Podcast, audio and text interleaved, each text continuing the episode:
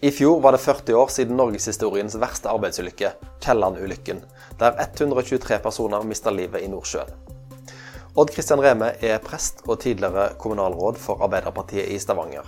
Han mista broren Rolf i Kielland-ulykken. Reme var daglig leder i Kielland-fondet, som arbeider for å snu plattformen i sin tid. Han var òg talsmann for etterlatte og overlevende. I 2016 tok Reme initiativ til å reetablere et nettverk for overlevende og etterlatte, Kielland-nettverket, og i dag er han leder for dette. I denne forelesningen fra Sølvberget snakker han om de ulike årsaks, årsaksteoriene til Kielland-ulykka, om nye opplysninger som har kommet fram de siste årene, og om behovet for en ny granskning av denne tragedien. Min bror Rolf døde 27.3.1980 i Nordsjøen, 28 år gammel. Det er torsdag før palmehelga, og en rød boble, 59-modell, ruller mot Stavanger, kjøpt for 500 kroner. Og på sida av meg sitter min kone Aud Jorunn. Hun er bibliotekar, og hun er da gravid i femte måned. Jeg er snart ferdig utdanna prest, og livet ligger foran oss. Rolf skal være hjemme i påsken. Vi hadde snakket sammen på telefon noen dager før, og vi gleda oss til å treffes igjen. På veien hjem så tar vi kvelden hos noen venner i Kristiansand, og her får vi med oss den skremmende meldingen fra Kari Sørby i Dagsrevyen. Vi har nettopp fått inn en melding om at hotellplattformen Alexander Kielland på Eddafeltet i Nordsjøen har kantret. Kielland Rolf hadde fortalt om Kielland. Han var ofte der. Han jobbet som materialmann på Edda-plattformen. Men heldigvis var han jo hjemme nå. Men jeg ringer nå hjem både for å forsikre meg om at han ikke er ute, og for å høre hva han vet om Kielland. Min søster Marianne tar telefonen og kan fortelle at Rolf reiste ut på en ekstratur samme morgen. Om han skulle til kjelleren, vet du ikke, men hun er urolige. Foreldrene mine er urolige.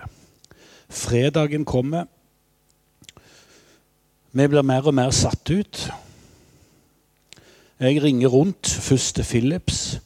De sier at de ikke har opplysninger, og at jeg må ringe politiet. Politiet sier at jeg må ringe eieren av riggen Stavanger Drilling. De sier at jeg må ringe Philips. Etter en time eller to så ringer jeg på ny, samme runddansen. Og etter en søvnløs natt, det var blitt lørdag, så ringer jeg politiet igjen. Og de sendte meg videre, og da sier jeg Hør, dere har selvsagt lister. Dere må ha ei liste over overlevende, ei liste over omkomne og ei liste over savna. Selvsagt har dere det. Nå forlanger jeg på vegne av hans familie om å få vite hvilken liste er Rolf satt opp på. Hvis jeg svarer på dette, sier politimannen, hvis jeg svarer på dette, kan dere da godta svaret som en offisiell melding? Og jeg svarer ja. Rolf Arthur Reme er på lista over savna. Vi visste hva savna betydde. Jeg måtte gi mitt første dødsbudskap til min mor. Og dette er én av 123 fortellinger.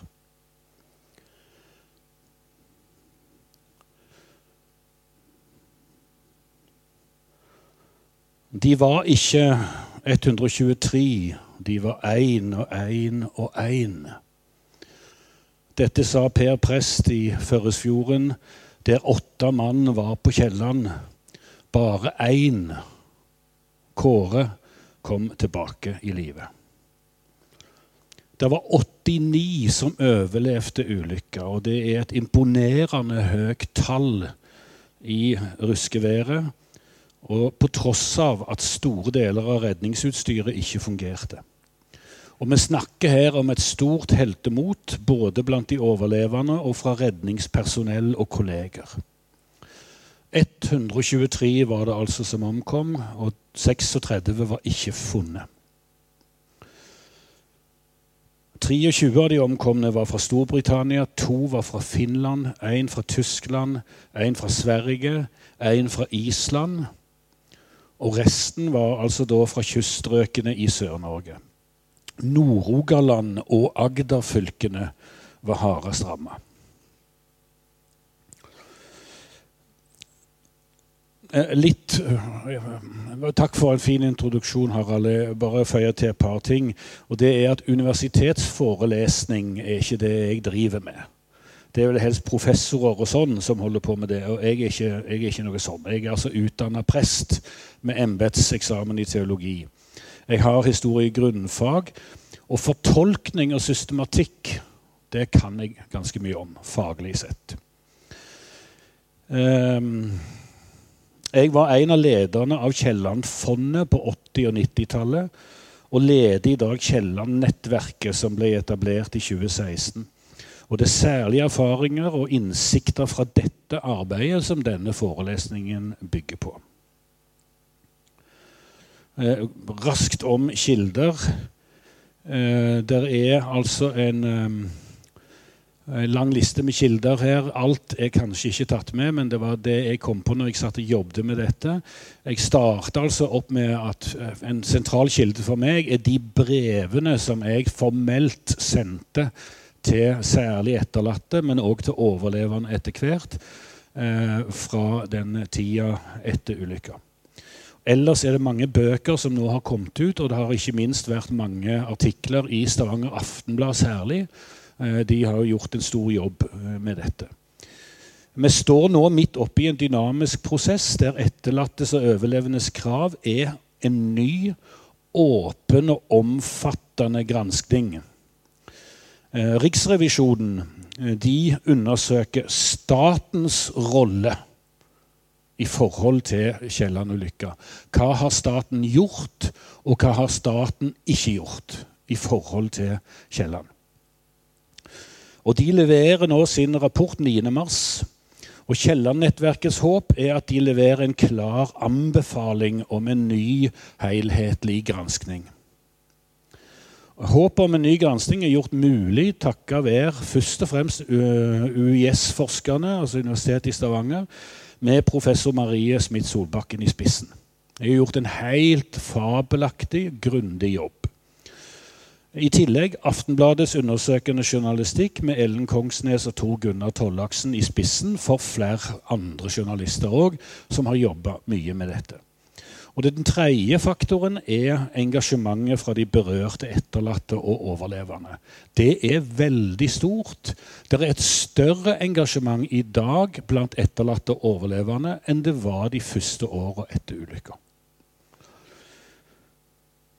Eh, kort om foredraget. Jeg skal ikke dra gjennom det, men jeg skal bare si det sånn at den første halvtimen, rundt den første halvtimen kommer jeg til å dra gjennom kampen for å snu Alexander Kielland. Altså fram til 83. Så kommer jeg til å gå løs på det som er det jeg kan har kategorisert som de sju årsaksteoriene. Eh, og eh, til slutt en del om Riksrevisjonen og ny granskning. Eh, først av alt litt om riggen. Eh, I april 1974 så ble kommandittselskapene Stavanger Drilling 1 og Stavanger Drilling 2 etablert.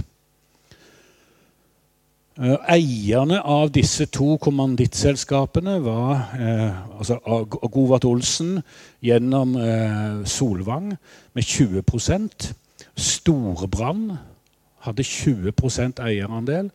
Og I tillegg var det en rekke andre eh, mindre eiere. Mange redere som var eiere, men de var altså ikke aktive i selskapet. De var eiere av selskapet. Eh, Storebrands rolle og Norsk oljeforsikringspol kommer jeg litt tilbake til. Eh, Forex Neptun eh, konstruerte denne riggen, altså Pentagon-riggene, og verftet CFM i Dunkerque bygde riggene. Begge riggene, altså Ibsen, eh, som var den første, og Kielland, begge ble levert i 76.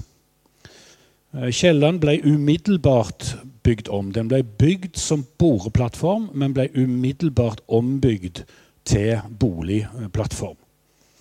Og operatør ute på feltet, der Kielland hadde sitt virke, var Philips Petroleum Company Norway. Um, her ser vi riggen ved albuskjell. Det er altså ikke Edda, men det er albuskjell. Uh, og vi ser her D-leggen nærmest oss. Altså det, det beinet som falt av.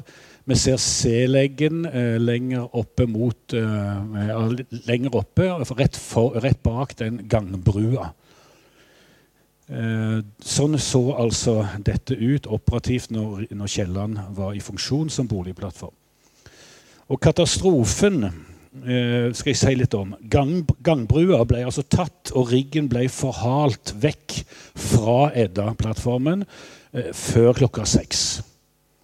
Det er enkelte som stiller spørsmål om tidspunktet, og sånn, men de fleste lander på at det var før klokka seks. Eh, de, mange av de som var om bord, hørte to smell. Der er det òg litt ulike tall. Noen snakker om ett smell, og noen eh, presiserer ikke det. Men mange snakker om to smell. Og at riggen tilta da med, eh, fra rundt ti på halv sju eh, til en 30-35 grader. Og Dette var altså havariets første fase. Som vi ser det tredje bildet. Lå sånn i 10-12-15 minutter før da riggen tippet helt rundt. Det er altså katastrofens andre fase.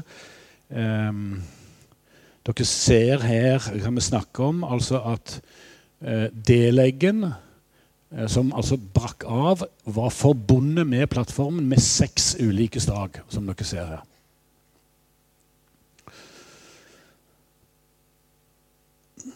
De fleste trodde den gang De fleste trodde den gangen at hvis ett av de fem beina datt av, så ville riggen tippe, men det ville ikke velte. Det ville holde seg flytende. Eh, nå var det altså sånn at Oljeminister Bjartmar Gjerde få dager etter ulykka sa veldig tydelig sitat, det skal ikke stå på penger. Og han forklarte at riggen skulle snus, de savna skulle bli funnet, og årsakene skal avdekkes. Dette klare standpunktet eh, bekrefta også senere av statsministeren. Det ble forstått, og det fikk støtte fra alle i de første månedene. Alle støtta dette. Og det var en enstemmig holdning til dette i Stortinget. Granskingskommisjonen ble oppnevnt allerede dagen derpå med sorenskriver Tor Nesheim fra Sandnes som eh, leder. Professor sivilingeniør Torgeir Moan. Sjøkaptein Per Bekkvik han var plattformsjef på en H3-rigg, som en helt annen type rigg eh, enn Pentagon. Eh, Aksel Kloster ble oppnevnt representerte LO. Og Sivert Øverås representerte arbeidsgiversida, altså NHO. Eh, til alles overraskelse så fikk vi en nyhet første påskedag, hvor Henrik Ibsen, søsterriggen, samme struktur, eh, tippa eh, og tok bånd inne i basen på Tananger. Og allerede i april så framkom det i mediene at eier og forsikringsselskap hadde økonomiske motiv for snuing. Deres eh, logikk var at riggen skulle repareres og settes i drift igjen. Tanken var at bruksverdien etter snuing og reparasjoner ville være høyere enn kostnadene. Så det var tydelige økonomiske motiver. Regjeringa lot dette skje Antagelig i håp om at eier og assurandør ville ta det økonomiske og praktiske ansvaret for å realisere regjeringens intensjoner om at riggen skulle snus. Årsaker finnes, savna skulle bli funnet. Regjeringa ble i praksis en observatør til eierne og forsikringsselskapets arbeid med saken. Eh, da tok etter hvert de eh, etterlatte ordet. Og det skjedde gjennom at jeg, tok, jeg og min familie vi tok et initiativ om, å, øh, om, om en uttalelse, en felles uttalelse. Eh, det fikk veldig brei oppslutning. 85% av familiene som fikk dette, bekrefta. Eh, og det vi stilte to krav. Det var å finne de savna og bedre sikkerhet i Nordsjøen. Og Vi understrekte i det som ble en pressemelding, at regjeringa må ta ansvaret og overstyre økonomiske hensyn. Um, vi fikk i tillegg til denne støtten på mer enn 80% av samtlige etterlatte familier, så fikk vi òg en veldig brei støtte i opinionen for dette. Vi, vi, opplevde det stadig vekk, at folk var sterkt engasjert av dette. Så noen ord om uh, om første snuforsøk. Anbud ble altså da kunngjort sommeren 1980. Eh, og Nico-verkene og SD Marine fikk anbudet. Eh, det overraska mange. Ingen av dem hadde bergingserfaring, mens flere erfarne og solide bergingsselskap Ugland, Neptun og Smittak International ble forbigått på tross av sammenlignbar pris. Nikoverket Norge var en liten og relativt ny aktør i Norge. De var store i Sverige, men det norske datterselskapet var en relativt ny aktør. Og SD Marine var et helt nytt selskap som hadde etablert seg i en garasje i London med en modell Nils Gunnar, med en tilsvarende som det nå er på Oljemuseet, en modell av Pentagon-rigg. Eh, de hyrte inn Scott Cobus fra Texas som snuleder, som hadde bergingserfaring. Riggen skulle snus i juli, så ble det forsinka til august, september, oktober. Både pressen og stadig flere fagfolk ble mer og mer skeptiske til det som foregikk. Den opprinnelige snumetoden med plastballonger, som ble uærbødig kalt for Donald Duck-metoden. Eh, inspirert av en historie av Carl Barks om når, eh, når de snudde eller fikk oppheva et skip med pingpongballer. Så Donald Duck-metoden fungerte altså ikke. Kranfartøyer ble hyra inn uten klare analyser av hva riggen ville tråle. Vi etterlatte fulgte med og ble mer og mer kritiske. Mange av oss mistenkte at operasjonen var et skalkeskjul der målet var senking av riggen. Så konspirasjonsteorier var ikke ukjent, og jeg var en av de som sjøl oppfatta dette som et forsøk på å senke vraket. Kritikken av operasjonen ble da stadig sterkere, og regjeringen med Reiulf Steen, handelsminister Reiulf Steen i spissen bestemte seg for å gripe inn. Kystverket ga stoppordre, og riggen ble ført tilbake igjen eh, til si, nullpunktet. Rettere sagt 180-graderspunktet. Eh, fagbevegelsen engasjerte seg heit, veldig sterkt helt fra dag én eh, med OFS, altså Oljearbeidernes Fellessammenslutning, der broren min bl.a. var medlem. NOPEF, Lars Anders Myhre, var aktive. Odd Sjursen var klubbleder på HMV, og som altså da eh, hadde mange av sine medlemmer som mista livet, og mange overlevende òg fra, fra, HMV. Elektrikerforbundet i Trondheim eh, knytta opp gjerne mot Siemens. De mista ti mann. Eh, Aksel Kloster eh, fra LO og medlem av kommisjonen var veldig engasjert av regjeringens beslutning om å snu plattformen. Svein Muffetangen fra Jern- og Metallforbundet i Oslo ble mer og mer aktiv. Så Dette er noen av de sentrale navnene i, i fagbevegelsen som, som, var sterkt engasjert. Eh, litt mer om Storebrann.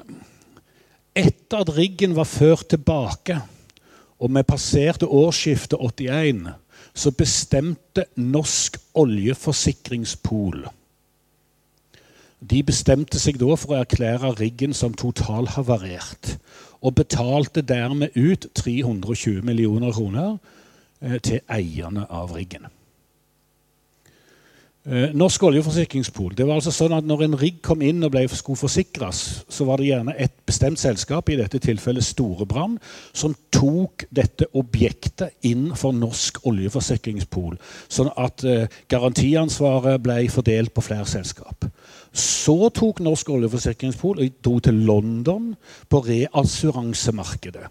Sånn at store deler av denne forpliktelsen på 320 millioner kroner ble dekka enten av internasjonale eh, forsikringsselskap eller av eh, jeg, hele gjengen av norske selskap. Men det var Storebrand som brakte riggen inn, og det var Storebrand som var de aktive i forhold til Kielland og Norsk oljeforsikringspol. Eh, Storebrands tap gjennom Norsk oljeforsikringspol og reassuransen var på 6 millioner kroner. Storebrands gevinst som kommandittist Vi så her tidligere at de eide 20% av riggen. Det utgjør 64 millioner kroner. Det er 20% av 320.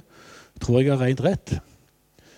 Eh, så eh, netto så snakker vi altså om 58 millioner kroner i gevinst for Storebrand knytta til at riggen ble erklært totalhavarert.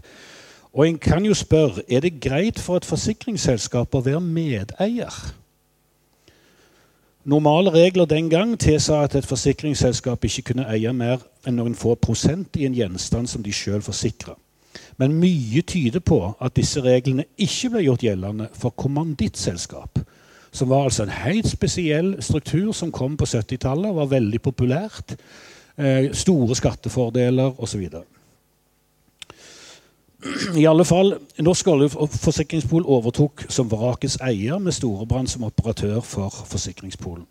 Det ble fortsatt vurdert som mulig at snuing kunne bli god butikk. Så um, ja, den, I løpet av høsten, i desember 1980, hadde jeg fått fullmakt av familiene til de 36 familiene til de savna og sjøkaptein Ivar Garberg var vår tekniske rådgiver. I januar 81 fikk vi endelig et møte med Oddvar Nordli ei uke før han gikk av. Han var en veldig nær og lyttende eh, mann. Kanskje noe engstelig av seg, og jeg tror mange kjenner igjen det bildet av, av Oddvar. Veldig fin eh, type, men han gikk altså av ei uke seinere. Og så måtte vi starte på ny. Vi måtte ha møte med den nye statsministeren, Gro Harlem Brundtland. Det var ikke lett.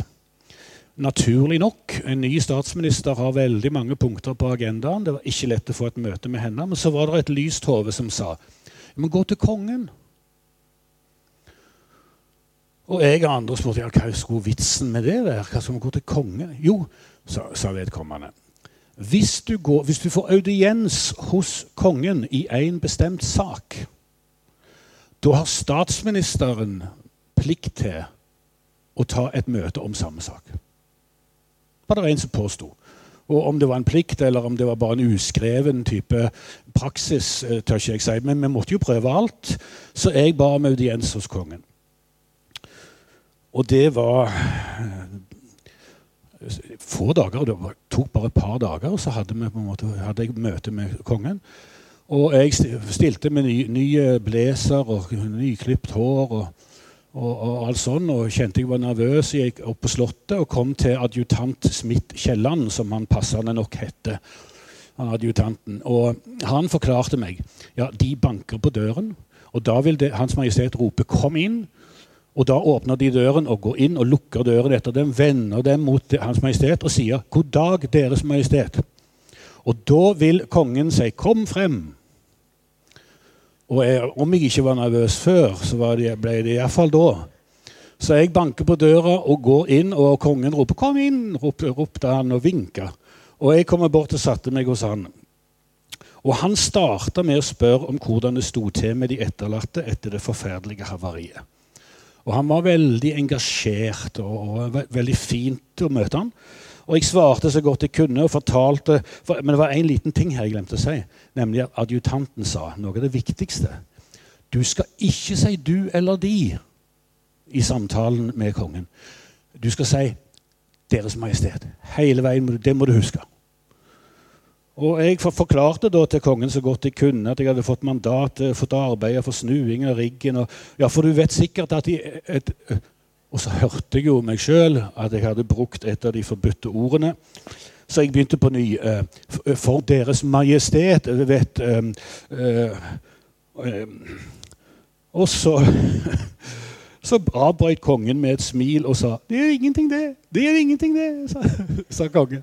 Så lo han litt på den spesielle måten som kong Olav lo på. Eh, og jeg fulgte opp da med å si at hele folket sier jo at vi har en folkelig konge. Sier folket virkelig det?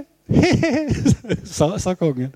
Så det var litt spesielt. Og det jeg opplevde som veldig spesielt Han var både varm og nær og empatisk i forhold til tapet jeg fortalte om. Og samtidig hadde han denne, denne eh, humoren eh, som, som, gjorde det til en veldig flott opplevelse.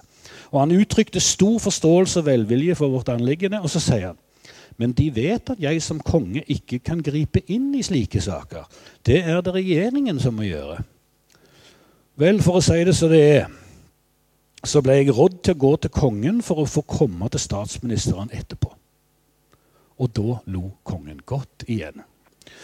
Og vi sendte ny henvendelse umiddelbart til Gro med kopi av audienslista fra Aftenposten. Og to dager seinere ble det møte med Gro. Eh, nå var det altså sånn at I møte med Gro så var vi i en situasjon hvor vi gikk mer og mer på offensiven. Eh, I tillegg til i tillegg til brei støtte fra fagbevegelsen og sentrale folk på Stortinget, med min svigerfar Jakob Årno fra KrF og Erland Asdal fra Senterpartiet i spissen, i tillegg til Alf Bjørnø, eh, som var Arbeiderpartiets mann i, i den aktuelle komiteen på Stortinget, Eh, så hadde vi gradvis bygd opp en sterkere posisjon, og dette ble òg godt reflektert gjennom media. Forsikringsbolen begynte å kjenne på dette presset. Og Jakob var altså min svigerfar. Og eh, var han dermed inhabil? Carl I. Hagen raste mot Jakob, langa ut mot han, men sjøl vurderte han det sånn at han representerte Rogalands interesser på tinget. Og Rogaland var opptatt av hva som skulle skje med riggen. Så han avviste den typen påstand og fortsatte sin aktive innsats på Stortinget. Eh, vi tok et nytt initiativ direkte mot Forsikringspolen. 3.2 sendte vi et brev til Polen og vi viste til at vi hadde anmoda regjeringen om å overta riggen. For det var altså hovedpoenget i møtene våre både med Oddvar Nordli og Gro Harlem Brundtland. Staten må ta ansvaret sjøl for riggen, og ikke bare sitte og se på det som skjer. Og Vi viste til at vi hadde anmoda regjeringen om dette og skrev til Forsikringspolen. Dersom staten ikke er villig til dette, må vi etterlatte forsøke å ta saken i våre egne hender. Vi akter derfor å levere inn et eget anbud. Så vi var på offensiven. Vi var klar til å etablere et eget selskap som var eid av etterlatte, for å gjennomføre og koordinere snuing av plattformen. Eh, nå hadde vi, vi hadde flere bergingsselskap eh, på, på, tråden i den tida. Både Neptun og Smith International viste positiv interesse for å gå inn i et sånn et opplegg, hvor altså, etterlatte sjøl hadde ansvar for riggen. Både regjeringen og Norsk oljeforsikringspol vurderte forslaget vårt seriøst, men enden på visa ble at alt fortsatte som før. Oljeforsikringspolen hadde fortsatt styringen, regjeringa var fortsatt observatør, og vi ble holdt på avstand. Eh, så fikk Norge en ny regjering høsten 91. Kåre Willochs rene høyreregjering.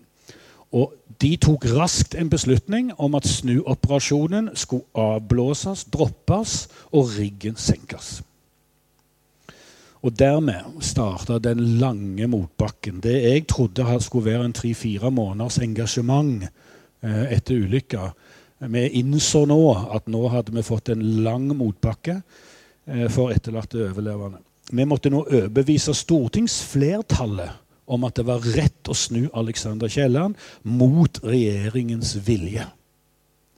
Og det er, som dere skjønner, en ganske tung prosess.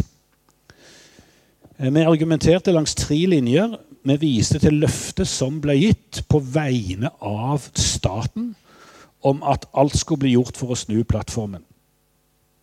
Et enstemmig storting sto for det. Og vi sa punkt to det er galt og umoralsk å senke et uh, fartøy som flyter, uh, så lenge det er omkomne om bord. Enten det er en fiskebåt eller en oljerigg. Og så lenge det er teknisk mulig å gjennomføre en heving. Eh, og tredje punktet det er galt og umoralsk å senke plattformen før den har blitt granska. Vi måtte være sikre på at årsakene til katastrofen ble kartlagt ned til minste detalj, tilsvarende det som gjaldt for flyhavarier. Prinsippet der burde være helt klart. Eh, kona mi minte meg på her en dag også at uh, gjennom årene når vi har sett på filmer og serier av ulik type, så har jeg alltid blitt veldig engasjert når tematikken om savna kommer opp. Altså Veldig mange av disse filmene og seriene har tematikken om hvor viktig det er at levningene blir funnet. Og at en ikke gir opp før alt er gjort for å få det til. Vi innså etter at Willoch-regjeringen kom på plass, at vi, det holdt ikke lenger med fullmaktsbrev. Vi måtte etablere en sterkere organisasjon, og vi danna derfor Kielland-fondet i oktober 1981. Aksel Kloster gikk inn som styreleder. Odd Sjursen fra HMV og jeg gikk inn i styret. Og så hadde vi Håkon Helle som vår juridiske rådgiver og Ivar Garberg som teknisk rådgiver. Og vi bygde på denne alliansen. Det var altså etterlatte overlevende. Det var kirka ved biskop Sigurd Lunde. en Veldig sterke markeringer fra han i denne saken. Og det var ikke minst fagbevegelsen. Eh, denne alliansen la press på Stortinget i samarbeid med våre støttespillere der.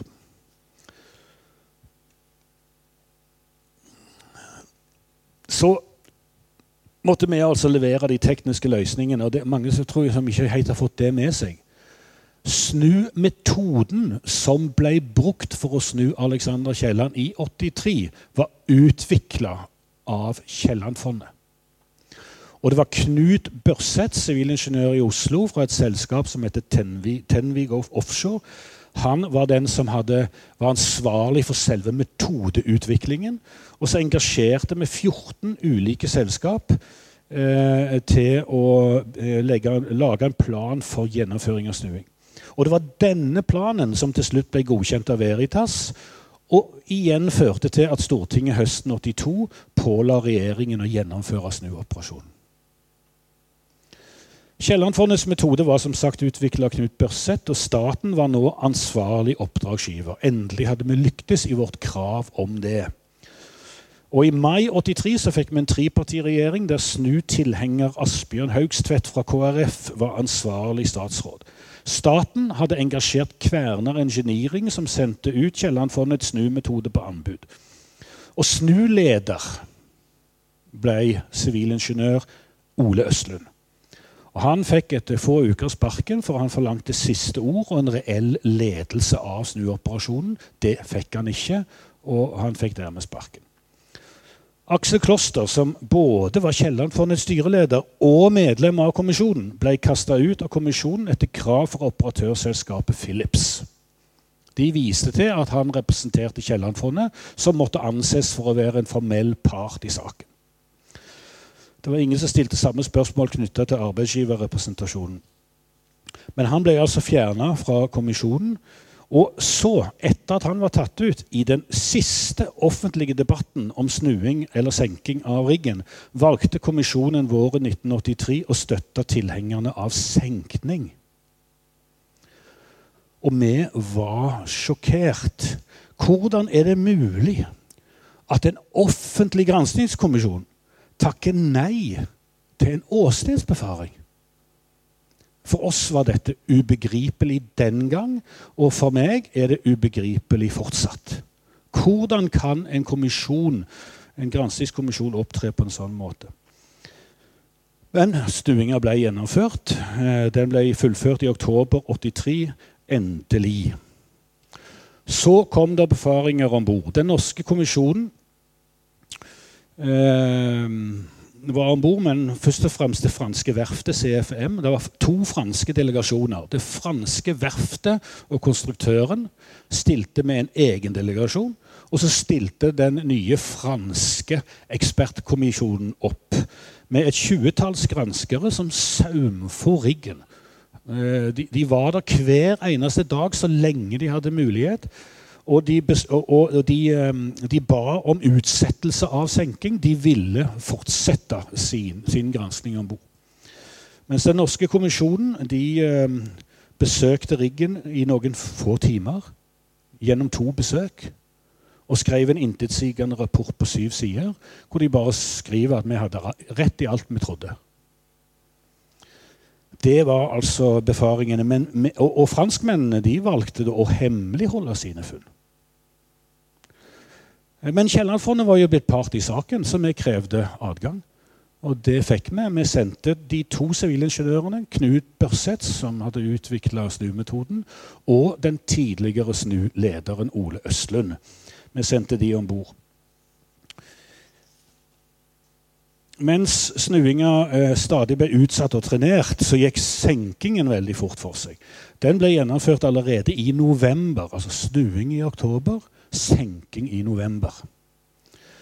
Og den ble gjennomført mot Stortingets flertall. Opposisjonsleder Gro Harlem Brundtland fikk støtte både fra SV og fra regjeringspartiene KrF og Senterpartiet på Stortinget for sitt forslag nemlig å hogge riggen og demontere eh, riggen, og dermed gi rom for en detaljert granskning. Statsminister Kåre Willoch uh, satte hardt mot hardt og pressa KrF på, og, og, Senterpartiet på plass. Dagen derpå så skrev Dagbladet med krigstyper førstesida 'Willoch brukte rå makt'. Og som en av Senterpartiets representanter uttrykte det, sitat, vi fikk valget mellom å senke Kielland eller Willoch. Dette ble jo eh, eller streksatt av karikaturtegneren i Klassekampen dagen etterpå. Og han lille karen her han sier 'hogg dem opp, begge to'. Så det var, var jo politikk i, i alle, alle, eh, forhold.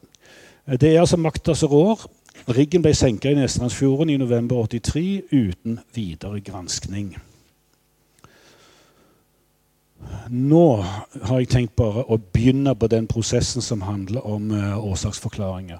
Og den første årsaksforklaringen Vi nærmer oss vel tror jeg nå til en liten strekk.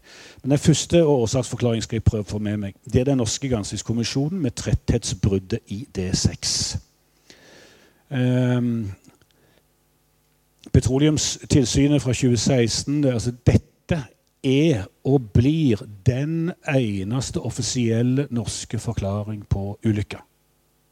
Det er kommisjonsrapporten for, fra 81 med disse syv tilleggssidene fra 83. Eh, det er ifølge kommisjonen én utløsende årsak og det er tretthetsbruddet i hydrofonen i D6-dager. Nå ser dere det helt der oppe. Kanskje ikke helt bak, men dere vil se D6-dager der oppe, som altså er et horisontalt stag som normalt under drift ligger under vann. Og der er det altså et brudd i hydrofoninnfestingen. Eh, det skyldtes, Bruddet skyldtes en sveisefeil uh, knytta til hydrofonen, og så var altså et fransk ansvar. Franskmennene hadde skylda, for å si det enkelt.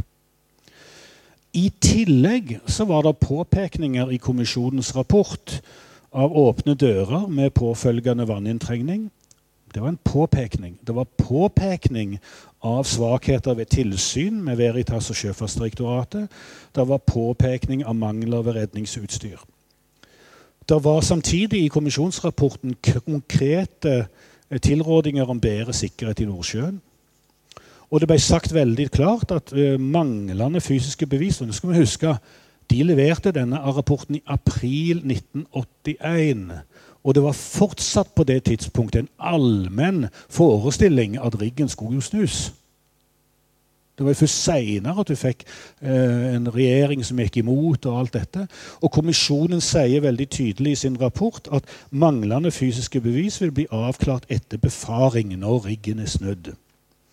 Stavanger Drilling kasta for øvrig livbåtrestene. På tross av produsenten Hardings ønske om tilgang.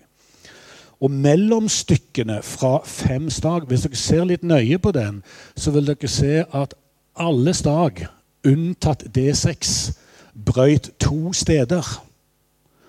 Og dermed falt der stagdeler ned på bånn 70 meter dypt.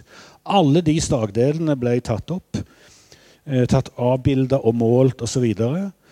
Eh, men det var altså sånn at eh, de eh, ble videresolgt. Stavanger Drilling ba kommisjonen om tilgang på de stagene. De ble videresolgt allerede samme sommer, 1980, til, eh, via et belgisk selskap til, til Jernverket i Mo i Rana. Verken politi eller kommisjon forsøkte å stanse denne ødeleggelsen av fysiske bevis. Eh, kommisjonen og det har jeg lyst til å understreke, kommisjonen hadde to sterke sider. Det ene er påvisningen av sveisefeilen og bruddet i D6. Og kommisjonen eh, gjør en grundig jobb på analysene av dette. Den andre sterke sida er at de gir konkrete tilrådinger for bedre sikkerhet i Nordsjøen. Tilskynda i stor grad av LOs mann eh, Aksel Kloster. Disse er og bør ikke være omstridt. Jeg har ikke hørt om noen av de andre eh, som har ulike andre teorier, som bestrider bruddet i D6. Altså tretthetsbrudd i D6 er et etablert faktum. Vi går da over på den andre av sju årsaksforklaringer, sånn som jeg har lagt opp her. Det var Kielland-fondet som hadde teorien om eksplosjon i D4-staget.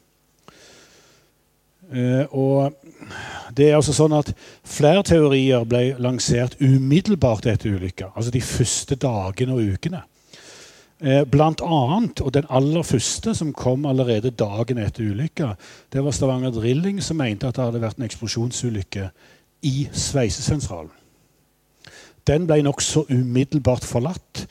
Fordi at det var enkelt å se for de som befarte Nils Gunnar, du var en av de, det var enkelt å se at det ikke var skader etter eksplosjon i toppen av det beinet eh, som ville ha blitt ramma i tilfelle det hadde vært eksplosjon i sveisesentralen. I tillegg så var det drift. Der, Nils Gunnar, du var veldig tidlig ute med både med dette med drift og forhaling, forankring, oppankring.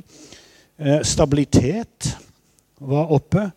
Eh, transitt for narkotikasmugling var oppe, bl.a. via Kiellandfondets tekniske rådgiver. Eh, en relativt spekulativ teori. Eh, men Børseth og Østlund var altså om bord, som nevnt, på befaringer. Nå skal jeg føye til det ene som jeg glemte.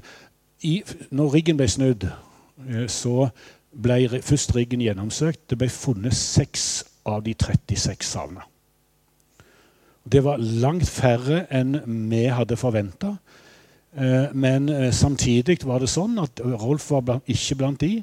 Eh, da fikk han og de øvrige, altså de 30, fikk da en verdig grav på havet. For, og den var blitt verdig fordi riggen var blitt snudd og gjennomsøkt. Men altså, Børseth og Østlund gikk om bord, og de fant indikasjoner på eksplosjon i et annet stag, nemlig D4. Jeg kommer nærmere inn på det. Kommisjonen Eh, når de fikk vite at noen av partene hadde funnet indikasjoner på dette om bord, så avviste dette, kommisjonen dette uten i det hele tatt å gå inn på eh, konkrete, de konkrete indikasjonene, og nedla seg sjøl. Det gjorde de eh, samme dag. Eh, de avviste, og så nedla de seg sjøl. Alle forsøk på senere varsling til politi, statsadvokat og riksadvokat ble avvist, i stor grad med henvisning til en kommisjon som ikke lenger fantes. Eh, dere vil se her igjen disse stagene. Eh, dere ser at det er to stag som er vannrette stag som under operasjon ligger under vann. Det er altså DE-staget, og så er det D6-staget.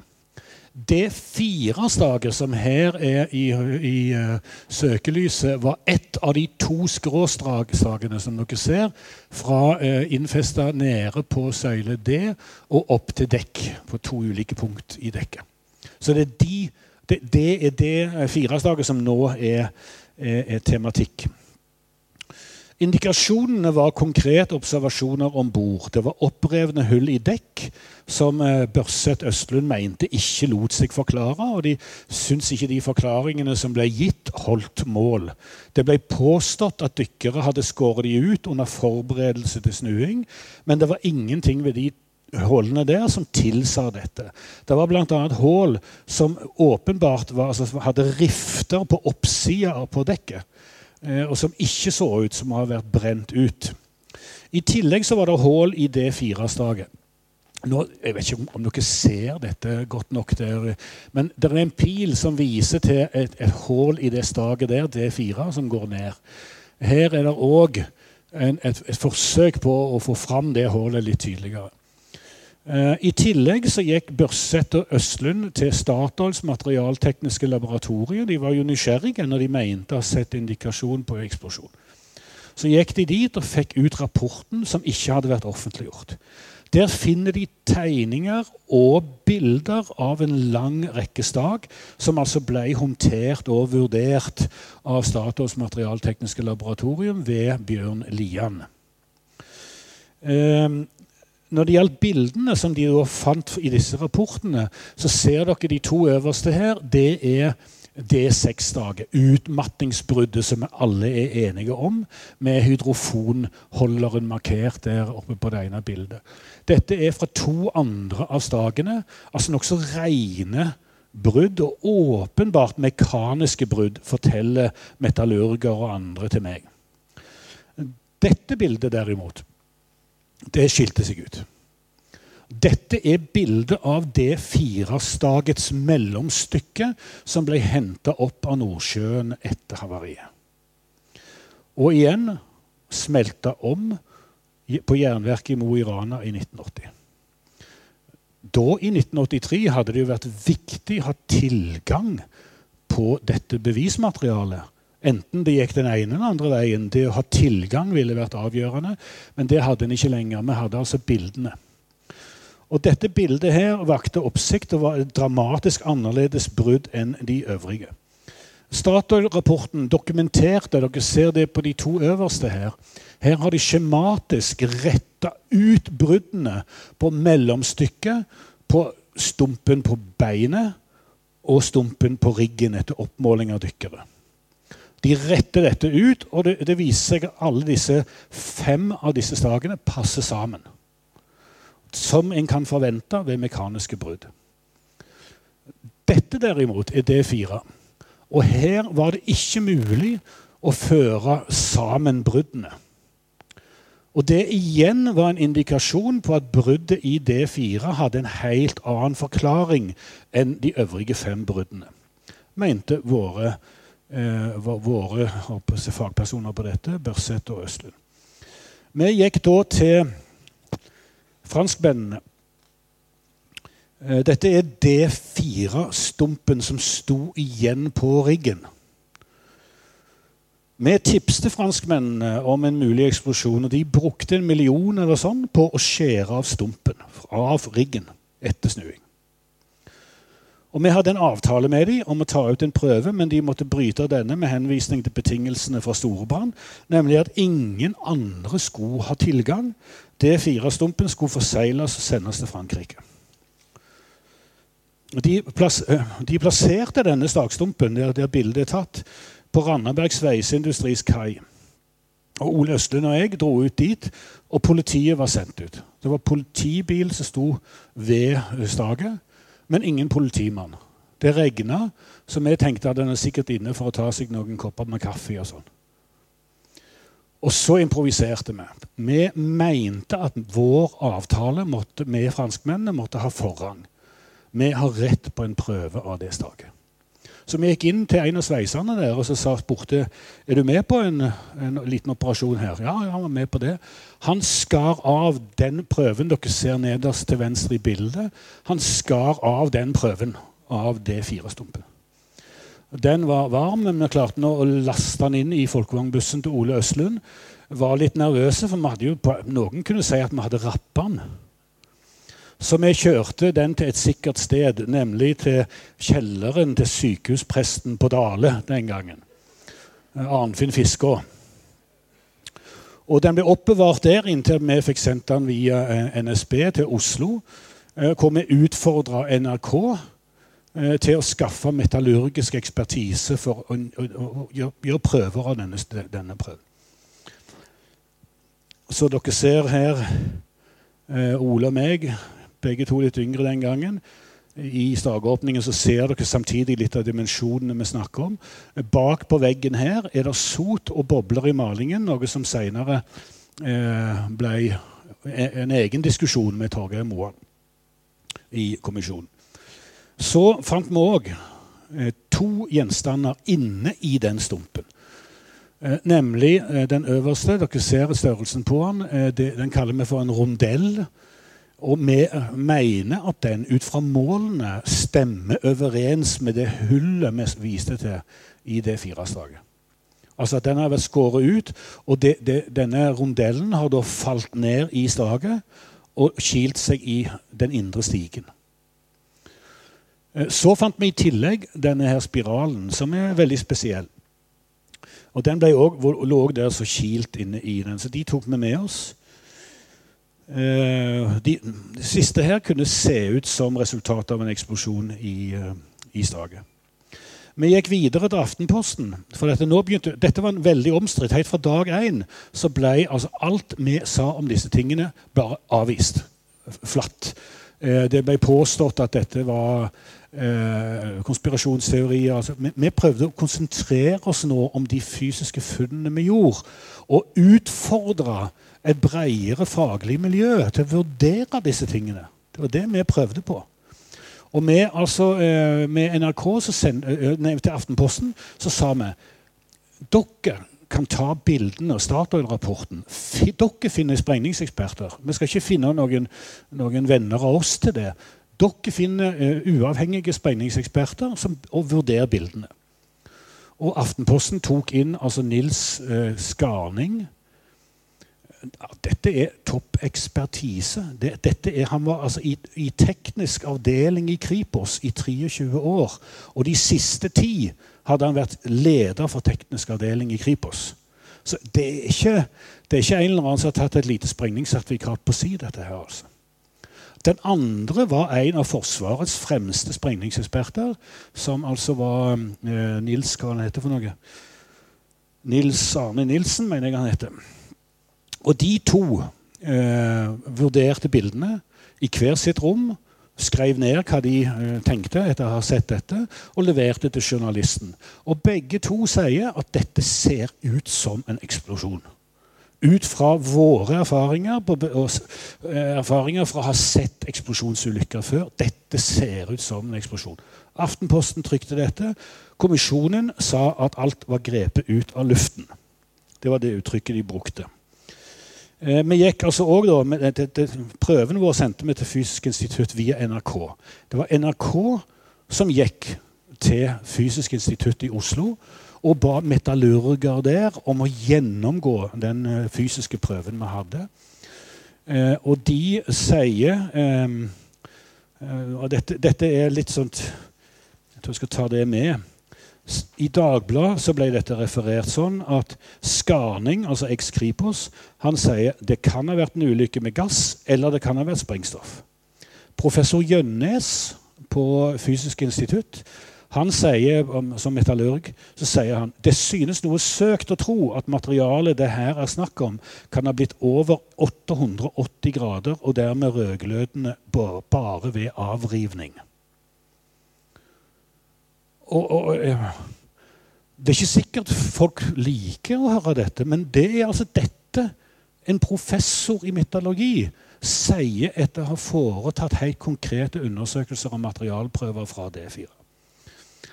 Eh, det ble hevda at kommisjonen eh, undersøkte eksplosjon.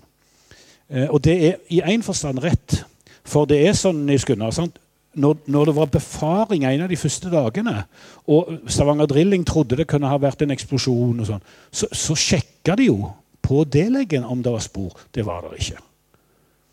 Eh, de sjekka òg konkret dette med, med sveisestasjonen, og det var ingen antydninger om eksplosjon. Det var det kommisjonen gjorde. Og dermed la de den, eh, alt arbeid med eksplosjonsteori til sides. Eh, de sa ja, de sa Neste. Der ser dere det firestaget som da stikker inn, ned under vann. Sånn at sprengningseksperten som de hadde med seg de første dagene, han presiserte at han kun hadde sett på stagdelene over vann. Altså Han hadde ikke tilgang, det var ikke dykker på den operasjonen. Um, og kommisjonen sjøl sier, og det sier de i innledningen av rapporten Rapporten og dens vurderinger er begrenset til den type ulykke man her har stått overfor. Rapporten beskjeftiger seg således ikke med andre ulykkessituasjoner, f.eks. eksplosjonsulykker. Enhver rimelig tidsramme for arbeidet ville i så fall ha blitt overskredet. Så det å hevde at kommisjonen har undersøkt eksplosjonsteorien knytta til D4-staket, er fullstendig feil. Um, og det kan vel ikke sies så klarere. Nå skal jeg bare avslutte med én kommentar. Ole Østlund gikk videre enn eksplosjonsteorien. Han hevda og hevder den dag i dag at det var en sabotasje som var årsaken til eksplosjonen i D4. Og Han sa dette ganske tidlig i den offentlige diskusjonen om dette. Og i folks bevissthet så ble eksplosjonsteori likestilt med sabotasje. Folk trodde Hver gang noen av oss snakket om eksplosjonsteorien, så trodde de vi mente at det hadde vært en sabotasje. Og jeg mener at sabotasjeteorien til Østlund er spekulativ. Det er masse fysiske indikasjoner som vi har sett knytta til, til, studier av D4-slaget om eksplosjon. Men det er ikke tilsvarende eh, noe som kan påvise eller indikere en sabotasjehandling. Så det er etter mitt vet en spekulativ teori, og går, lanserer heller ikke den som en seriøs årsaksforklaring. Derimot har eksplosjonsteorien en tyngde her i kraft av den dokumentasjonen som foreligger. Så til den tredje årsaksforklaringen. I, i, kom i 85. Det var den franske ekspertkommisjonen. Eh, her ser vi at ekspertkommisjonen ble altså opprett, oppnevnt av den franske handelsretten i 1981. Eh, og det skyldtes at Stavanger Drilling Den gang var de med, helt i starten var de òg med. Norsk oljeforsikringspol og Philips. De la til grunn den norske kommisjonens rapport, som la skylda på franskmennene. Og Derfor gikk de til søksmål. Og de krevde 700 millioner. Da oppnevnte handelsretten i Paris, som skulle behandle dette, de oppnevnte en ekspertkommisjon. Og De leverte sin rapport i 85, og de bekrefter sprekken i D6. De bekrefter sveisefeilen. Og Det er viktig. Det er noen nemlig som sier at den franske kommisjonens rapport og den norske er identiske. Det som er rett å si, det er at både den franske og den norske kommisjonen de studerte samme Eh, fenomener, samme ulykke. Og de var enige selvfølgelig på en lang rekke punkt. Blant annet var de enige om at det var en sveisefeil i hydrofonholderen. Det var altså en langt framskreden uh, tretthetsbrudd i det seksdaget. Det bekrefter franskmennene. Men det var ikke denne sveisefeilen som utløste tretthetsbruddet, sier franskmennene. Og Her er den norske og den franske kommisjonen veldig klart uh, på kollisjonskurs.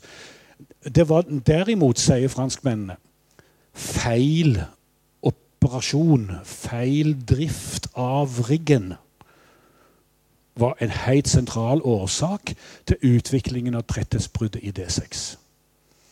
Eh, de avviser eksplosjon i D4. Ekspertkommisjonen avviser det. Verftet eh, var mer usikre i sine analyser av dette, mens kommisjonen avviser eksplosjon i D4. Og de antyder en mulig kollisjon med en supply, supply-båt eller noe andre, men de var ikke i stand til å dokumentere konkret eh, hva slags kollisjon det her kunne vært snakk om. Seinere har det jo kommet opp opplysninger om et ankerhåndteringsfartøy og en del andre typer ting som Aftenbladet særlig har, har dokumentert, som kan ha vært eh, en type eh, kollisjonsskade. Uten at det er noen som kan hevde at det er faktiske tilfellet. Det viktige for meg og for mange av oss er denne rapporten har aldri blitt behandla av norske myndigheter. Den har aldri blitt behandla av norske myndigheter. Den er ikke engang oversatt til norsk. Nå holder Riksrevisjonen på med det nå. Men den har i utgangspunktet aldri vært oversatt til norsk. Den har aldri vært vurdert av regjering, departement, storting. Ingen. Det har kun stått noen få linjer i 85 i noen aviser som var for lengst blitt lei av Kielland-saken. Så sto det litt om franskmennene som skyldte på norske operatører av riggen. Som andre ord, sa de, det sto det òg en del om, den norske kommisjonen skylder på franskmennene. Den franske kommisjonen skylder på nordmennene. I, en fotballkamp så ville vi sagt at det er 1-1. Hva gjør du i en sånn situasjon når du må på en måte, du skal gå grundig inn og få et resultat av granskningen? Ja, du må selvfølgelig sette de to opp imot hverandre. Du må sette nye folk på saken som faktisk gransker hvem har rett i hvilke spørsmål av de franske granskerne og de norske. Um, det er altså kort om den franske rapporten.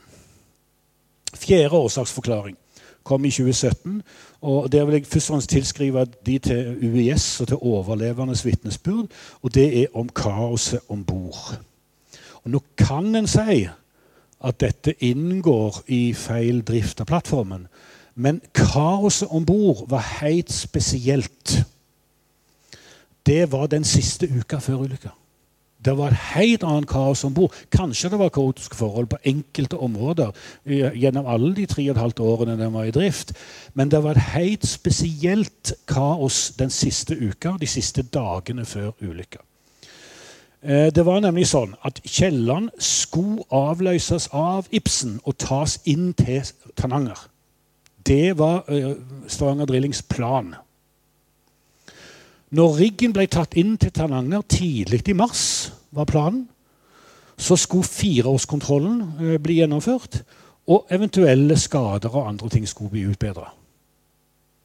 Så skulle han ut igjen på engelsk side. Og endelig hadde de fått boreoppdraget. Det er som gullkontrakten. Boreoppdrag for Shell på britisk sektor. Det var planen. Men Ibsen ble forsinka flere ganger. Den kom fra Stord og til Tananger kraftig forsinka. Dermed så sto de i et, en veldig vanskelig situasjon. Det var et tidsvindu som røyk. Derfor var konvertering til borerigg i gang ute på feltet. Og det skapte et helt ekstraordinært kaos om bord i plattformen. Flere overlevende melder at den planlagte ilandføringen ble kansellert.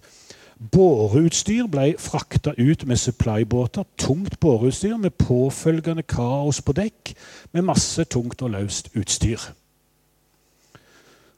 Vi vet at sveising på strukturen ble gjennomført de siste dagene før havariet. 26. 27. mars. Eh, og her må en jo si at forsvarligheten, for ikke å si lovligheten, av å gjøre dette ute til havs ble aldri dokumentert. Men vi vet altså at sveising på stag på strukturen skjedde de siste dagene før ulykka. Og det er jo veldig spesielt at en langsom utvikling av et rettighetsbrudd i D6 tidsmessig faller sammen. Altså, det endelige bruddet skjer pga. en bølge 27.3. Parallelt med at da, dette var siste dagen kjelleren skulle ligge der. Skulle, dagen etter eh, var det meninga å begynne tauingsoperasjonen over til britisk sektor. Så det er et sammenfall tidsmessig som er veldig spesielt. Eh, vi har videre altså denne åpne døra til E-skaftet. Det bildet dere ser her, det viser altså tårnhuset på E-skaftet. Eh, der skal dørene være stengt når, når du er ute. Du, Nils Gunnar, du drev jo eh, en Pentagon-rigg i årevis. En annen drillmaster. Og det var altså sånn at Når du er ute til sjøs, så skal det være stengte dører. Det er noe som handler om å gjøre dette fartøyet sjøklart. Og her hadde de altså kilt inn, antageligvis med sveis, eh, me mellom døra og karmen, sånn at den døra kunne ikke gå igjen. Og det var igjen pga. kaos om bord. For her var det arbeid som måtte gjøres, bl.a. på, på stakstrukturen og sveising og greier. Og når en først skulle gjøre det, så måtte en altså sikre rømningsvei bl.a. for sveisere som var nede i, i et bein. Det viser seg òg seinere at det var flere av disse tårnhusdørene som sto åpne. Og hva skjer i kontrollrommet når en, en, en eller flere dører står åpne? Jo, da ringer det en alarm. Det ser dere bilder av her. Inne, Dette er henta fra kjelleren etter snuing. Her ser dere alarmknappen. Sånn ser den ut. Og Hvis alarmen går, så er det en mann som må gå bort og trykke og holde på alarmknappen. Da, da slutter klokken å ringe. Og Hvis du skal holde på i flere døgn med operasjoner som krever at dørene er åpne, så setter du ikke en mann til å stå der eh, 24-7 på en måte holde fingeren på denne knappen. Nei, de smir til en gummipropp. Og det har de gjort der. Så Gummiproppen i seg sjøl er jo et bevis på at dør, dør, minst én av disse dørene sto åpne, eh, i strid med det som var normal eh, driftsprosedyre. Så igjen kaos om bord. Nå går jeg på neste årsaksforklaring. Den femte, og rekkefølgen er litt tilfeldig, Nils Gunnar, men nå blir det den femte. Det er oppankring og forhaling, og dette er Nils Gunnar Gundersen og flere som da altså understreker og sier at dette var en vesentlig årsak til ulykka. Og her er det altså sånn at Ankervinsjene hadde trekkraft som var lavere enn ankerveienes bruddkrefter. Dette, dette sier kommisjonen. Eh, I utgangspunktet er det derfor ikke mulig å slite av en ankerveier, og slett ikke en av søylene. Nå er det sånn at riggen var ikke satt ut med ti ankere, som var eh, forutsetningene fra verftet. Den var satt ut med åtte ankere. C-leggen kom så nær inntil strukturen og de valgte Pga. ledninger og andre ting i bånn så valgte de å ikke sette ut disse to ankrene. Og det var vel nærmest i hele kjellerens levetid. Uansett hvilken installasjon en lå inntil, så lå en med åtte i stedet for med ti ankre. Og det endrer en veldig fort på de forutsetningene over her. At det ikke skulle være mulig å slite av eh, osv. Men nå vet vi jo at det var et brudd i D6-daget. Vi vet i hvert fall det. At det, ifølge kommisjonen sjøl, det sexslaget var kraftig svekka. Sant? Og Torgeir Moan i en presentasjon for en del år tilbake så skulle han vise dette ved å ta opp et ark og vise hvordan dette her var. Nemlig at hvis, du, hvis alt i utgangspunktet var sånn som det skulle være, og du prøver å ta et ark og slite i det, så, så, så lar det seg ikke. Du klarer ikke å slite det. Derfor det skulle for Torgeir Moen være et bevis på at ankrene kunne ikke rive av dette. Men så gjorde han en liten triks. Han lagde en rift. Altså D6-bruddet. Og så drar han. Og jeg, jeg skjønte aldri helt hva Torgeir Moen ville med dette. For jeg, jeg han skulle egentlig prøve å dokumentere at det var umulig at ankerkreftene kunne ha en betydning for eh, brudd og for utvikling av brudd i, i, i, strukturen. Han gjorde med det lille grepet der etter mitt vet, han beviste det motsatte, har jeg tenkt. Skal jeg snakke med Nils Gunnar om det etterpå. Um, og Sivilingeniøren og, og eh, maritim ekspert Nils Gunnar Gundersen har altså drevet drillmaster i årevis. Han kjenner riggen inn og ut, typen inn og ut, og insisterer på at vi snakker om feiloperering av plattformen. Kontrollromsoperatør Eivind Egeli, eh, som altså var om bord den fatale kvelden, han eh, understreker sterkt det samme. Eh, han har utdannelse som styrmann og erfaring fra handelsflåten og var nestleder på plattformen. Det var òg han som satt i kontrollrommet da plattformen kantra. Og han er sikker på at feil oppankring har betydning for kantringen. Han understreker at det i driftshåndboka for Pentagon-plattformer, eller egentlig den, opp, den tekniske manualen for, eh, for Pentagon-plattformer, sto at plattformen under enhver omstendighet skulle oppankres med ti ankere. Egeli sier at han kunne kjenne hvordan bølgene traff og belasta plattformen, når han i tillegg visste at det var sprekker i, i eh, minst ett stag. Det kommer jeg tilbake til. Eh, så var han ekstra bekymra og observant. Og det er i tillegg mange, både Didrik Stonghaugen og andre som har vært på nært hold her, har eh, oppfatta at eh, her skjedde det feil i den konkrete forhalingen òg den aktuelle kvelden. Eh, vi går videre med å eh, påpeke at kommisjonen altså mente at belastningene med stadige forhalinger og to ankre mindre enn ankringsplanen var innafor det som plattformen var beregna å tåle. Eh, men det framkommer altså ikke av kommisjonsrapporten om de har vektlagt noen av vitneutsagnene som er knytta til dette. Jeg viser her og ellers til en artikkel av Marie Smith Solbakken i uh, Arbeiderhistorie 1 2019 og uh, Thomas Skrettings i bok som kom i fjor. Sjette årsaksforklaring handler om stabilitet. Emil Aall Dale, professor, doktor, ingen veldig sånn anerkjent eh, ekspert. Han ble eh, anvendt av eh, kommisjonen. Kommisjonen bestilte en stabilitetsrapport, eh, vurdering av stabilitetsspørsmål, av eh, Emil Aall Dale. Og han, eh, dette henter jeg nå fra Kielland-nettverkets konferanse i 2017. Eh, referatet derfra som han har godkjent. Eh, plattformen var ifølge han bygd sånn at den oppfylte de kravene som var stilt til stabilitet. Det er første han sier. På flytende installasjoner skal dører være igjen i samsvar med lastlinjekonvensjonen. Og det er spesielt viktig i dårlig vær. På en plattform fungerer en lukka overbygning som et uh, livbelte som et stort flyteelement. Fyllingen og stabilitetssvikten på Kielland etter tiltingen til 35 grader. Altså Han sier ikke at stabiliteten var feil før tiltingen, men etter tiltingen. Så sier han at stabilitetssvikten eh, skjer pga. åpne skott. Flytende plattformer skal ha en sjøkaptein som har ansvar for fartøyet, for at fartøyet, i dette tilfellet plattformen, er sjøklar. Det betyr bl.a. at plattformen skulle hatt lukka dører og andre åpninger, sånn at vanninntrengning ble forhindra. Dører skulle òg være igjen i henhold til plattformens tekniske manual. Så sier Emil Åldal at krengningen til 35 grader før vanninnstrømning var i henhold til beregninger, sier han. Men dører var ikke lukka, og vanninnstrømning kom.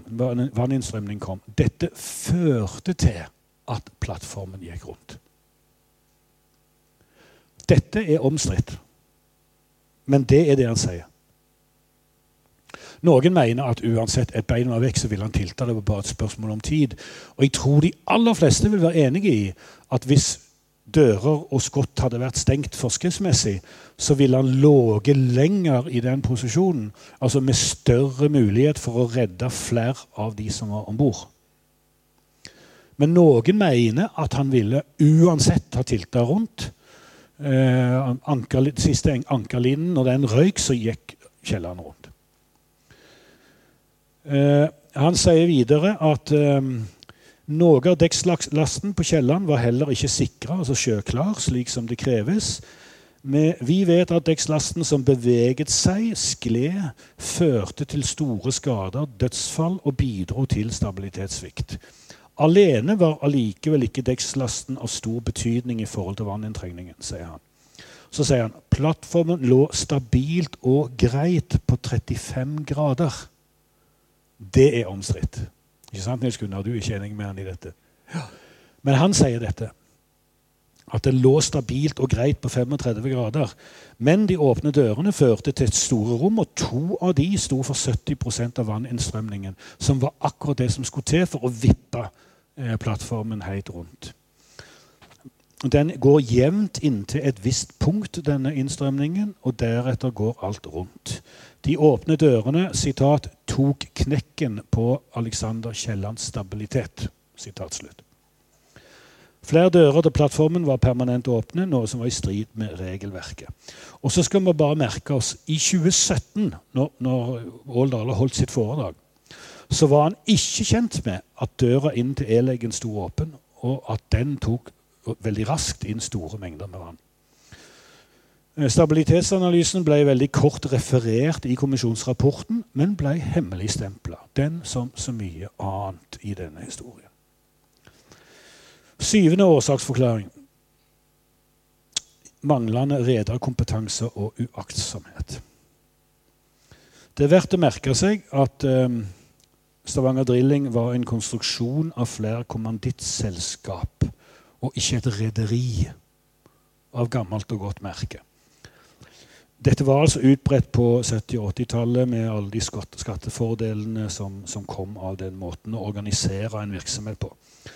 Nå samarbeider Stavanger Drilling eh, med, eh, om management med Govert Olsen, som altså var et profesjonelt rederi. Men sjøl hadde Stavanger Drilling sterkt begrensa eh, store mangler på, på, kompetanse i egen stab. Ovenstående om kaos og sveising på strukturer, åpne dører, løse gjenstander på dekk Alt dette er rederiets og i siste hånd operatørens ansvar. Og Da er det verdt å merke seg at Stavanger Drilling visste at det var sprekker i minst ett dag før havariet. De visste. Dette bekreftes av hele seks kolleger ansatte i Stavanger Drilling. Blant de to kontrollromsoperatører, Egeli og Vikestrand, og en teknisk sjef, avdøde Leif Barkeved. Og denne tekniske sjefen, Torstein Seds kone og en av hans, hans bekjente, har òg bekrefta at Torstein Sæd hadde uttrykt dette før havariet. Og de hadde gjort dette i rettslige avhør. Disse avhørene ble tatt opp av Olav T. Låke takket være innsatsen fra advokat Pål Midtsem. Eh, kaptein Torstein Sæd var altså redd for å reise ut på riggen de siste månedene, og en spør seg sjøl hvorfor var han redd. Han kom ut på riggen samme dag, bare timer før uh, havariet, i samme helikopter som uh, broren min Rolf. Alt tyder på at han trodde at han skulle ta riggen uh, inn til land, sånn som planene jo opprinnelig var. Endelig skulle sprekkene i riggen, som han hadde vært bekymra over i lengre tid, og som han hadde altså meddelt, endelig skulle de bli reparert, trodde han. Men han ble etter alt å dømme først opplyst av avtroppende plattformsjef Hauge at denne planen var endra. Hans jobb var ikke å ta riggen til land, men å ta riggen direkte over til britisk sektor. Vitnet forteller at han ble sint, og noen få timer seinere døde han på post. Og så er det et spørsmål om ukesrapportene. Hver uke i over tre og et halvt år hver uke ble ukesrapportene fra plattformsjefene sendt inn til land med helikopter. Det var en fast rutine. De gikk selvfølgelig som alt med kopi til operatøren Philips. Hvor har de blitt av? Da Stavanger Drilling ble nedlagt som selskap, så gikk jo hele arkivet inn til, til Statsarkivet. Og folk har lett med lys og lykte. Det finnes ingen ukesrapporter i Stavanger Drillings arkiv. Philips nekter fortsatt innsyn i, i sitt arkiv. Så vi får altså ikke etterspurt de der. Handelsretten i Paris påla to ganger Stavanger Drilling å utlevere ukesrapportene. Et rettslig pålegg fra retten i Paris. De ble aldri utlevert. Og det er ganske åpenbart, mener jeg, jeg mener går an å si det, at Stavanger Drilling valgte å underslå disse rapportene. Det er grunn til å tro at disse rapportene bl.a. ville bekrefte at både Stavanger Drilling og Philips visste om sprekkskader på forhånd, og likevel beslutta ikke å ta riggen inn til land. Og hvorfor i all verden sikra ikke politiet beslag i Stavanger Drillings arkiv umiddelbart etter ulykka? Og om de beslagla noen dokumenter, hvorfor i all verden etterspurte ikke politiet disse ukesrapportene? Det var uvesentlig og sentral dokumentasjon. Og hvor i all verden var kommisjonen? Det er sterke grunner til å stille spørsmålet mener jeg, om ikke eiers og operatørs unnlatelser her er over grensen til kriminell uaktsomhet. For all del forelda. Men dette er veldig grov uaktsomhet, etter, etter min vurdering. Og så til slutt litt om manglende um, driftsmanual og opplæring. Kielland hadde en teknisk manual fra verft og konstruktør. Men de hadde ikke en oppdatert driftsmanual, Nils Gunnar, sånn som du hadde på Drillmaster. Dere utvikla en driftsmanual, tilbøy den til Stavanger Drilling. Tilbøy de å kjøpe, men Stavanger Drilling syntes det ble for dyrt. Så de kjøpte aldri, og de utvikla heller aldri sin egen driftsmanual. Ehm, de fikk tilbud, ja. Men eh, Stavanger Drilling-ledelsen mente altså det ble for dyrt. og Da de overtok i, i riggen i 76, så fikk de òg det samme tilbudet som alle andre Pentagon-eiere, nemlig opplæring av konstruktør og verft. Det takket de nei til, og starta ombyggingen umiddelbart av hotellplattform, igjen uten tilbudt bistand fra verftet. Dette ordna de sjøl, og påbygningen i form av fire containeretasjer med hotell liksom, eh, ble eh, i stor grad utført ute på feltet. Tatt ut med supplybåter, heist om bord, montert, sveist. Så kom neste etasje osv. Vi har altså allerede hørt om åpne dører og trekking av kabler og e-skaftet altså, og, og gummiproppen og sånn. Oppsummert er det god grunn til å hevde at manglende rederkompetanse og grov uaktsomhet var en av årsakene til havariet. Og la meg også ta med, Det er mulig at dette skulle vært gjort som et åttende type punkt. Men jeg tar med at um, Veritas godkjente ved uh, fireårskontrollen. Dette gikk veldig kjapt tidlig i mars, antagelig når rederiet så at tidsvinduet deres med bytting med, med Henrik Ibsen Når det røyk, så sendte, sendte, de inn en søknad til Veritas om utsettelse av fireårskontroll. Litt ut i mars. Og bare noen få dager før ulykka, type 3-24. mars, så kom det en godkjennelse fra Veritas på utsettelse. Og en må jo spørre seg sjøl hvorfor de godkjente det. Særlig med tanke på at Veritas visste veldig godt De hadde vært sjøl om bord i, i, i, februar. Eh, de visste veldig godt at riggen nå skulle konverteres fra boligplattform til, til båreplattform. Betydelige ombygginger som skulle skje. Likevel godtok Veritas denne søknaden. En må spørre seg om hvor Veritas var i dette. Hvorfor hever rederiet forsikringen med 85 millioner kroner ni dager før ulykka? Nå blir det sagt at forklaringen er at riggen var mer verdifull som borerigg. Altså Den skulle jo over britisk sektor for boring. Eh, inntektspotensialet for eier var selvsagt langt større. Det, det er det ingen tvil om. Men snakker vi ikke egentlig her om gjenkjøpsverdi, altså om en kasko? Derfor er spørsmålet stilt, og vi har bedt Riksrevisjonen om å se nærmere på bl.a. det spørsmålet. Um, hvorfor eh, ble den forsikringen heva? Og så må vi spørre hvorfor krevde oljeforsikringspolen og Philips 700 millioner kroner, men godtok et forlik på 6 millioner i 1991? Dette er noen av de nye forholdene knytta til ikke minst den undersøkelsen som Stavanger Aftenblad har gjort, og som eh, professor, eh, professor Marie Smith Solbakken og andre har gjort. Det er altså sånn at det var en tiårig lang eh, rettsprosess. Eh, søksmålet ble tatt ut i 81, eh, og forliket kom i 91. I praksis betyr forliket null i erstatning, men en kompensasjon for saksomkostninger på 6 millioner. Forliket ble altså inngått i 1991. Og det var den norske kommisjonens rapport som var det faglige og tekniske grunnlaget for å kreve erstatning for franskmennene.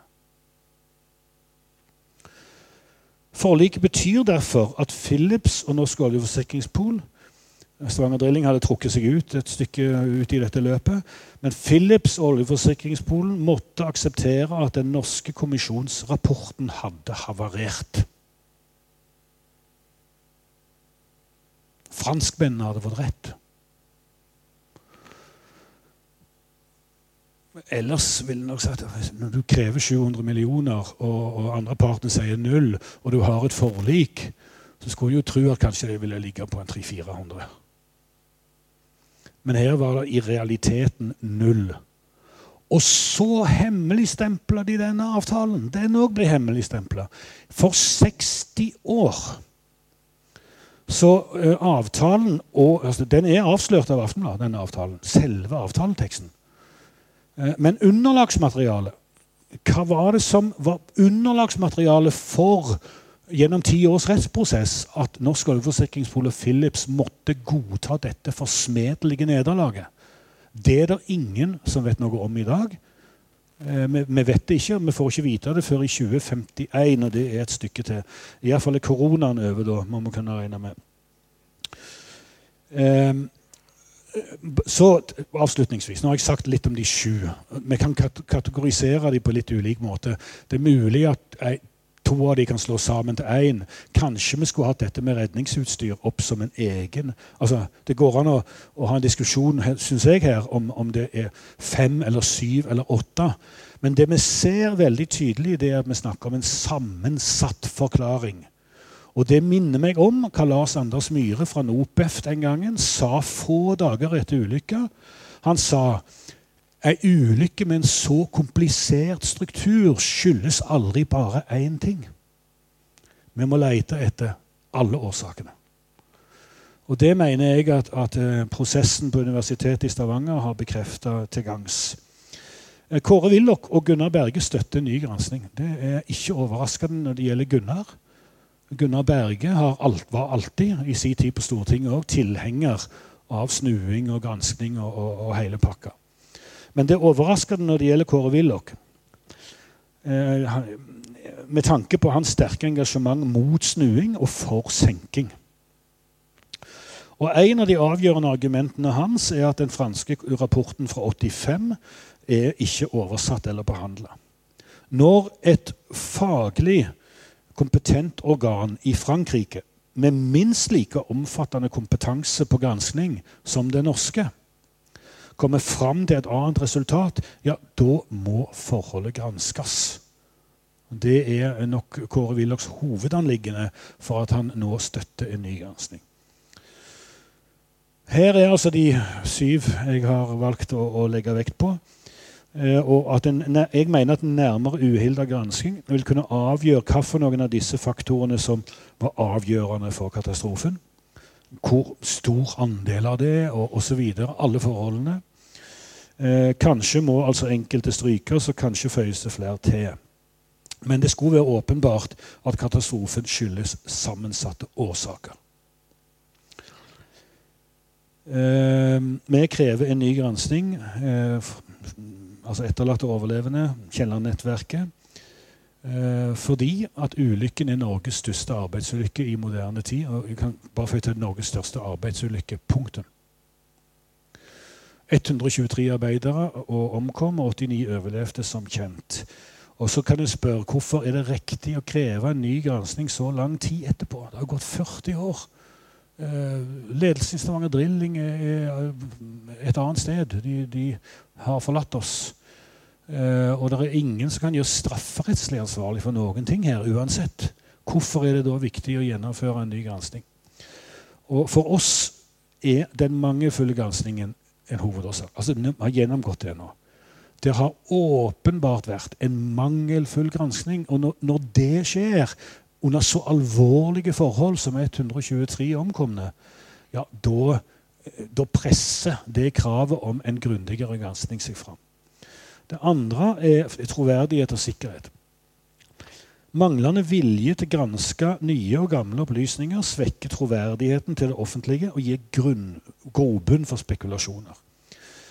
Eh, konspirasjonsteorier oppstår mye lettere hvis ting blir hemmeligholdt, stengt inne, skjult. Og uten troverdighet knytta til Kielland svekkes òg tilliten til dagens arbeid med sikkerhet. Og menneskelige hensyn er det siste. Menneskelige og kulturelle hensyn.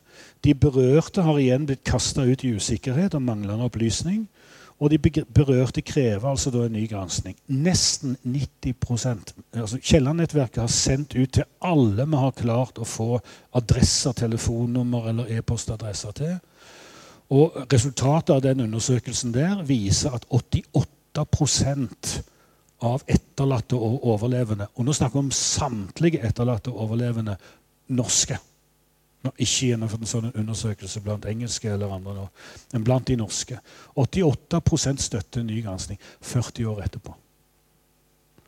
Det sier ganske mye om, om, de, um, om de, menneskelige hensynene her. Um, Riksrevisjonen har altså nå kommet fram til ja, veldig, veldig, veldig viktig for oss i 2019. Kontroll- og konstitusjonskomiteen vedtok enstemmig å be Riksrevisjonen om å granske eh, saken. Og da var det altså statens, Norges, eh, gjøren og laden eh, knytta til Kielland. Eh, det ble senere bekrefta av et enstemmig storting i plenum. Et enormt viktig vedtak, sånn som vi fra etterlatte overlevende ser det. En skikkelig uh, milepæl uh, i dette arbeidet. Men vi forventer altså ikke at de kommer med en granskning som, inn, som, som egentlig er en teknisk granskning, som òg trengs. Og Vi har derfor et håp om at Riksrevisjonen, når de leverer sin rapport nå 9.3, så håper vi at de vil anbefale en full gransking Eh, gjennomgang, en full granskning både av tekniske, maritime, juridiske, økonomiske forhold knytta til dette. Inkludert en granskning av hvorfor gikk ikke kommisjonen inn på disse spørsmålene, som allerede i 1980-1981 eh, var ganske åpenbart at en burde ha gått inn og jobba med. Alt det håper vi vil skje i, uh, i mars, så vi får hektisk, uh, et hektisk år som kommer nå eh, knytta til dette. Eh, og med dette bildet av min bror så takker jeg for oppmerksomheten.